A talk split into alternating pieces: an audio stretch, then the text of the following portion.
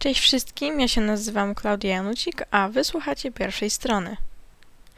Jako, że do tej pory porozmawialiśmy sobie już o kreacji postaci, o kreacji istot fantastycznych, e, ostatnio pojawiła się też kreacja świata przedstawionego, no to tak jeden za ciosem, tym razem pogadamy sobie o kreacji fabuły w mojej książce. Zapytacie, o czym takim można dzisiaj porozmawiać, skoro no, będzie mowa o fabule? Co takiego mam Wam zdradzić, żeby nie wyjawić tych najważniejszych szczegółów, które no, powinny zostać ujawnione dopiero w trakcie czytania powieści, których nie powinnam Wam absolutnie teraz zdradzać? Ja Wam odpowiadam, nie wiem. Zobaczymy, jak będzie wszystko szło, jak może nieco mi ślina na język przyniesie, ale no będę starała się po prostu pilnować, żeby nie powiedzieć wam za dużo, tylko żebyście dostali te informacje, które tylko was powiedzmy zachęcą jakoś jeszcze bardziej do um, być może przeczytania tej mojej przyszłej książki. Znowu pewnie będę mówiła dosyć ogólnikowo, no bo po prostu inaczej się nie da ale wydaje mi się, że do tej pory nawet to moje ogólnikowe gadanie jednak trochę konkretów ze sobą niosło. Może to brzmi trochę paradoksalnie, ale w moim odczuciu tak właśnie jest. Dało się przynajmniej tego słuchać i coś z tego wynieść. Także mam nadzieję, że tak będzie też tym razem. Także przenieśmy się do początku tej całej historii, tej mojej przygody. Jak powinniście, wydaje mi się, pamiętać, wszystko zaczęło się od różowej ściany. Dlaczego różowej ściany? No bo po prostu siedziałam sobie przy biurku i gapiłam się akurat w moją różową ścianę, którą miałam centralnie przed nosem i nagle do głowy wpadł mi pomysł, pomysł, po prostu wizja elfów przemierzających swoją krainę w poszukiwaniu przygód. No i od tego tak naprawdę narodził się cały pomysł na Nedenie. Najpierw powstał właśnie taki drobny zarys, y, no może troszeczkę większy niż y, drobny, taki bardzo ogólny. Potem zrobił się on trochę większy, co jakiś czas coś tam dopisałam, Także no powoli, bardzo stopniowo tworzyła się ta jakaś historia, aż e, któregoś razu podjęłam decyzję o napisaniu książki i początkowo wcale nie była to, to Nadenia. Początkowo było to coś zupełnie innego, e, też z rodzaju fantastyki, e, jednak w trakcie pisania tamtej historii stwierdziłam, że no nie czuję tego za bardzo, że no na tamten moment bardziej by się to nadawało na opowiadanie, a nie, a nie na książkę. No i zaczęłam sobie przeglądać te swoje notatki i stwierdziłam, że w sumie no ta historia naprawdę mogłaby być fajna, naprawdę mogłaby być dobrym początkiem jak na debiut. No więc zaczęłam rozwijać tą Nadenię. Zaczęła się tworzyć taka podstawowa fabuła. No, ja wtedy to robiłam bez czytania żadnych poradników, e, bez jakiegokolwiek tak naprawdę rozeznania, jak powinnam zacząć pracować nad książką, tylko robiłam to według swojej intuicji. Także miałam po prostu jakiś ten drobny zarys fabularny. I stwierdziłam, że to już jest odpowiedni moment, żeby zacząć pisać. Jak bardzo się wtedy pomyliłam? Będziecie mieli okazję jeszcze o tym posłuchać. Ale to już przy okazji innej audycji, bo teraz zajmujemy się czymś zgoła innym. W każdym razie, mając już ten ogólny zarys historii i no fabuły to jeszcze jest, wydaje mi się, za mocne słowo, tak no, na tamten moment, Um, więc no, po prostu mając ogólny zarys y, historii, tak sobie pomyślałam, że najlepszym motywem do wykorzystania w tej książce, w, tym, w tej historii, będzie motyw podróży. Motyw podróży, poznawania, motyw y, nauki nowego świata, tak to nazwę. Jakieś niebezpieczne przygody, poznanie bohaterów w trakcie tej podróży. Ale to wszystko tak naprawdę doszło y, dopiero z czasem, a na samym początku bazowałam tylko na tym motywie podróży. Wiedziałam, że chcę to przeprowadzić w ten sposób, właśnie już od samego początku budowania tej fabuły. I z tego też powodu bardzo dużo pracy wkładałam w zbudowanie tego świata. Chciałam jak najlepiej opisać sobie, żeby potem Wam jak najlepiej to opisać, w jaki sposób działa ta Nedenia, w jaki sposób ona funkcjonuje, jak funkcjonują stworzenia mieszkające w niej, co takiego jest w niej wyjątkowego, że tak bardzo przykuwa uwagę kogoś, kto dopiero ją odkrywa. Do tej pory już powinniście wiedzieć, że Nedenia dzieli się na poszczególne dzielnice. Mm, tłumaczyłam to przy okazji audycji o kreacji świata przedstawionego. I właśnie te dzielnice budują e, tą wyjątkowość wizualną Nedenii. I z kolei właśnie to powoduje taką ogromną chęć poznania tej krainy, chęć dowiedzenia się o niej jak najwięcej, nauczenia się jej funkcjonowania. I właśnie w ten sposób buduje się kolejny motyw e, występujący w całej książce. No, jednak o tej Nedenii dowiadujemy się bardzo dużo, szczególnie od Kerela, bo no Kerel jest postacią niesamowicie związaną z właśnie całym swoim otoczeniem. Można by go uznać za takiego tradycjonalistę, ale w dobrym tego słowa znaczeniu. Więc on tłumaczy wszystkie te zabiegi, wszystkie jakieś święta. Tłumaczy tak naprawdę wszystko to, co dzieje się dookoła nich, dookoła Diany. Diana, właśnie będąc uczestnikiem tych wszystkich wydarzeń, pozwala nam jako czytelnikom poznać tą krainę. Co też mi osobiście wydaje się całkiem przyjemnym zabiegiem. Ale oczywiście, żeby nie było za nudno, żeby nie było, że cała książka opiera się tylko i wyłącznie na tym poznawaniu i nauce, no bo bądźmy szczerzy, kto by to zniósł? Dookoła e, roztacza się taka aura niebezpieczeństwa, tajemniczości, za którą idzie masa niebezpiecznych przygód e, właśnie Diany, Odena, Odena, Odeny i Kerela. W pewnym momencie, kiedy ta tajemnicza zaraza wkracza do Nedeni, właśnie nawet Kerel i Odena muszą się na nowo nauczyć tej krainy, muszą się na nowo nauczyć po niej poruszać, żeby po prostu przeżyć, żeby jakoś przetrwać to, co się tam dzieje. Tak więc, jak już zdążyliście usłyszeć, cała fabuła opiera się, no właśnie na tym motywie podróży i poznawaniu.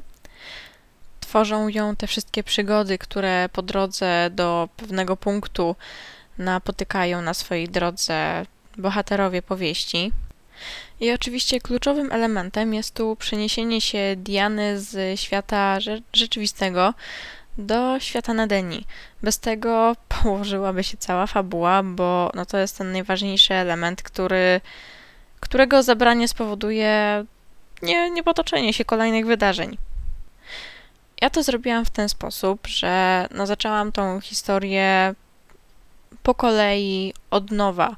Najpierw poznajemy Dianę, jej życie, jej no, zwykłą codzienność, po czym zdarza się pewien wypadek, który powoduje, że Diana przenosi się do Nedeni.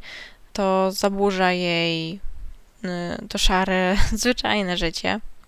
Przeżywa normalny dzień, właśnie poznając już y, po trochu Nedenię. Oczywiście pierwsze kilka godzin mijają jej na oglądaniu wszystkiego z wielkim oszołomieniem w głowie. No i potem jednak wraca do tego swojego normalnego świata. Wraca do niego i mimo wszystko dalej poszukuje tej Nedeni. Poszukuje tego niesamowitego świata, który no nie wydaje jej się, żeby był tylko snem, bo skąd nagle miałby się taki sen u niej wziąć? Jeszcze zważając na to, że okoliczności były takie, a nie inne. Jednak potem się okazuje, że ona do tej Nedeni wraca. I to nie raz, nie dwa, ale co noc. Także tworzy się tu już motyw snu. I w książce przechodzę od jej codziennego życia do właśnie życia w Nedeni. Na tym codziennym życiu skupiam się jednak trochę mniej, bo nie jest to aż tak interesujące. No, całym głównym motywem Nedeni jest no właśnie Nedenia. Także z tego codziennego życia opisuję tak naprawdę tylko te najważniejsze szczegóły, najważniejsze elementy, które są niezbędne dla no właśnie powstania dalszej części historii. Wydaje mi się, że ten wstęp, bo no tak, wydaje mi się, to jest też najlepsze określenie, jest dosyć przydługi, że jednak trochę za bardzo skupiłam się na tym codziennym, rzeczywistym, zwykłym świecie. I mimo, że naprawdę zawarłam bardzo dużo przygód w Nadeni już do tej pory, zawarłam bardzo dużo jakichś opisów e, pewnych wyjątkowych wydarzeń opisujących Nedenię. A to wszystko wynika tak naprawdę tylko z tego, że no przed pokazaniem tej złej, straszliwej, zarażonej formy Nedeni, chciałam jak najbardziej przybliżyć Wam tą stronę prawdziwą, tą stronę, która opiera się w bardzo dużej mierze na idealnej yy, hierarchii, chciałam powiedzieć, na idealnej harmonii, na pewnej symbiozie, która wytwarza się między stworzeniami żyjącymi w Nedeni, a samą Nedenią. A z kolei to wszystko, ta moja chęć wykazania tego bierze się stąd, że naprawdę chciałam pokazać, jak bardzo ta Nedenia się zmieniła. Co z tego, że opisałabym ten ból w oczach Kerela, który patrzy z żalem na to, co się obecnie wyprawia w Nedeni, który przypomina sobie te piękne, spokojne, błogie chwile spędzone przed czasem zarazy. Jeśli wy jako czytelnicy nie mielibyście dostępu do właśnie do tego świata, a też moim zdaniem pokazanie wam tego świata przed zarazą i porównanie go potem do świata właśnie w trakcie zarazy odegra na czytelniku jeszcze większe emocje niż, no właśnie, jakbym to pokazała tylko na wspomnieniach Kerela. Pozostawiając już trochę z tyłu temat y, zarazy, motywu podróży, poznania i no, pozostawiając już z tyłu po prostu wszystko to, o czym do tej pory mówiliśmy. Bardzo istotną kwestią w całej tej fabule jest też związek między Dianą a Tomem. I to jest też ten punkt, dla którego to rozwinięcie, e, rozwinięcie, wstęp, tak e, dużo miejsca w książce zajmuje. No ich, ich związek, ich relacja jest o tyle istotna, że odegra bardzo ważną rolę pod koniec książki. Diana im dłużej przebywa w Nedeni, tym jej pamięć o jej rzeczywistym świecie bardziej się zaciera cały czas pamięta, jaki jest jej główny powód y, podróży po Nedeni, e, dlaczego to jest takie istotne, dlaczego chce ratować tą krainę, co takiego się dzieje, ale zapomina tak naprawdę trochę skąd jest. Cały czas jest połączona z tamtym światem i z tego powodu też odczuwa co jakiś czas niesamowity ból ze względu na to, co się dzieje tam, że tak powiem, po drugiej stronie ale sama nie jest pewna, skąd się to wszystko bierze. Także właśnie z racji tego zcierania się pamięci o swoim pochodzeniu, o swoim krainie i o związkach w tej w krainie, w swoim rzeczywistym świecie, ta pamięć o Tomie, ich związek okaże się bardzo istotny, bo to właśnie on tak naprawdę w pewien sposób przypomni Dianie o wszystkim tym, co ją łączy z jej rzeczywistym światem, a co ją właśnie oddziela od Nadeni, co dowodzi na to, że no ona mimo wszystko tam nie pasuje, że ona nie jest jej elementem. Tak myśląc nad tą moją fabułą, cały czas mam w głowie dylemat, czy na pewno powinnam ugryźć to właśnie z takiej strony, z jakiej się za to biorę czy powinnam iść ze wszystkim od początku do końca, czy może jednak zamieszać trochę z tą chronologią.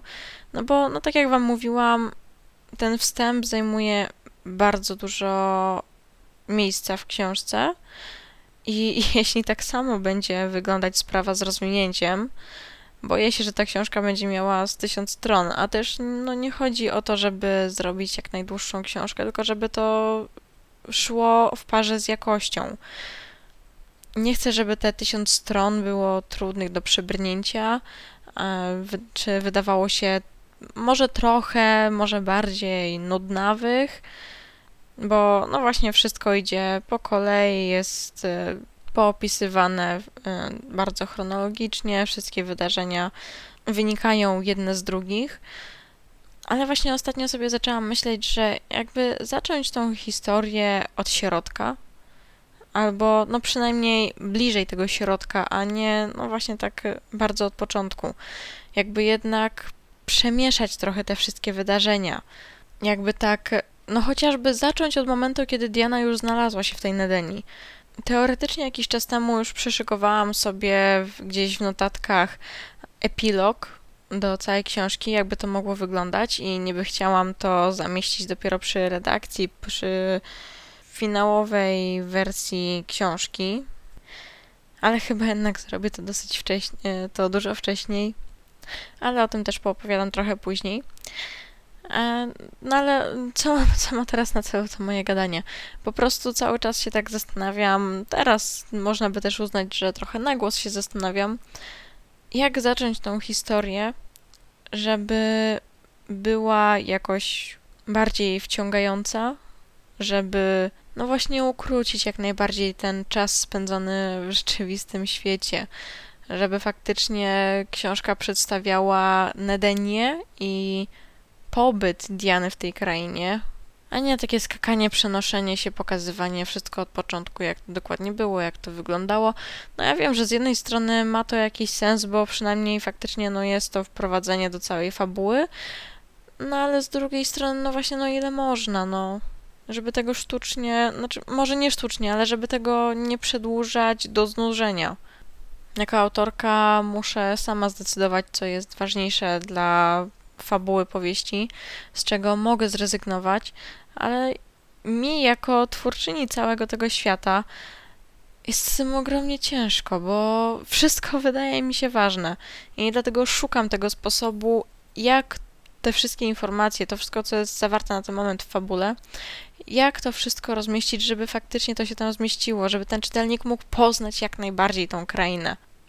Żeby faktycznie powstało z tego może nie jakieś wielkie uniwersum, ale faktycznie kraina, która zapisze się w głowie tego czytelnika, która gdzieś będzie miała swoje miejsce, swoje rzeczywiste miejsce. Słuchajcie, na tyle ile mogłam, poopowiadałam wam o tej mojej fabule w powieści. Trochę wam też przy okazji narzekałam na swoją własną pracę, niezdecydowanie i moje wewnętrzne dylematy, co mogę, a czego nie mogę zrobić w powieści. No, teoretycznie mogę wszystko, ale jaki to potem będzie miało odbiór i jak to wyjdzie na jakości, ciężko przewidzieć. No, w każdym razie ja będę miała jeszcze dużo, dużo, dużo pracy nad tym wszystkim. Będę miała jeszcze dużo gonitw i bitew myślowych. Ale w tym momencie nie pozostaje mi nic innego jak podziękować Wam za wysłuchanie tej audycji. Jak zwykle mam nadzieję, że dobrze się przy niej bawiliście.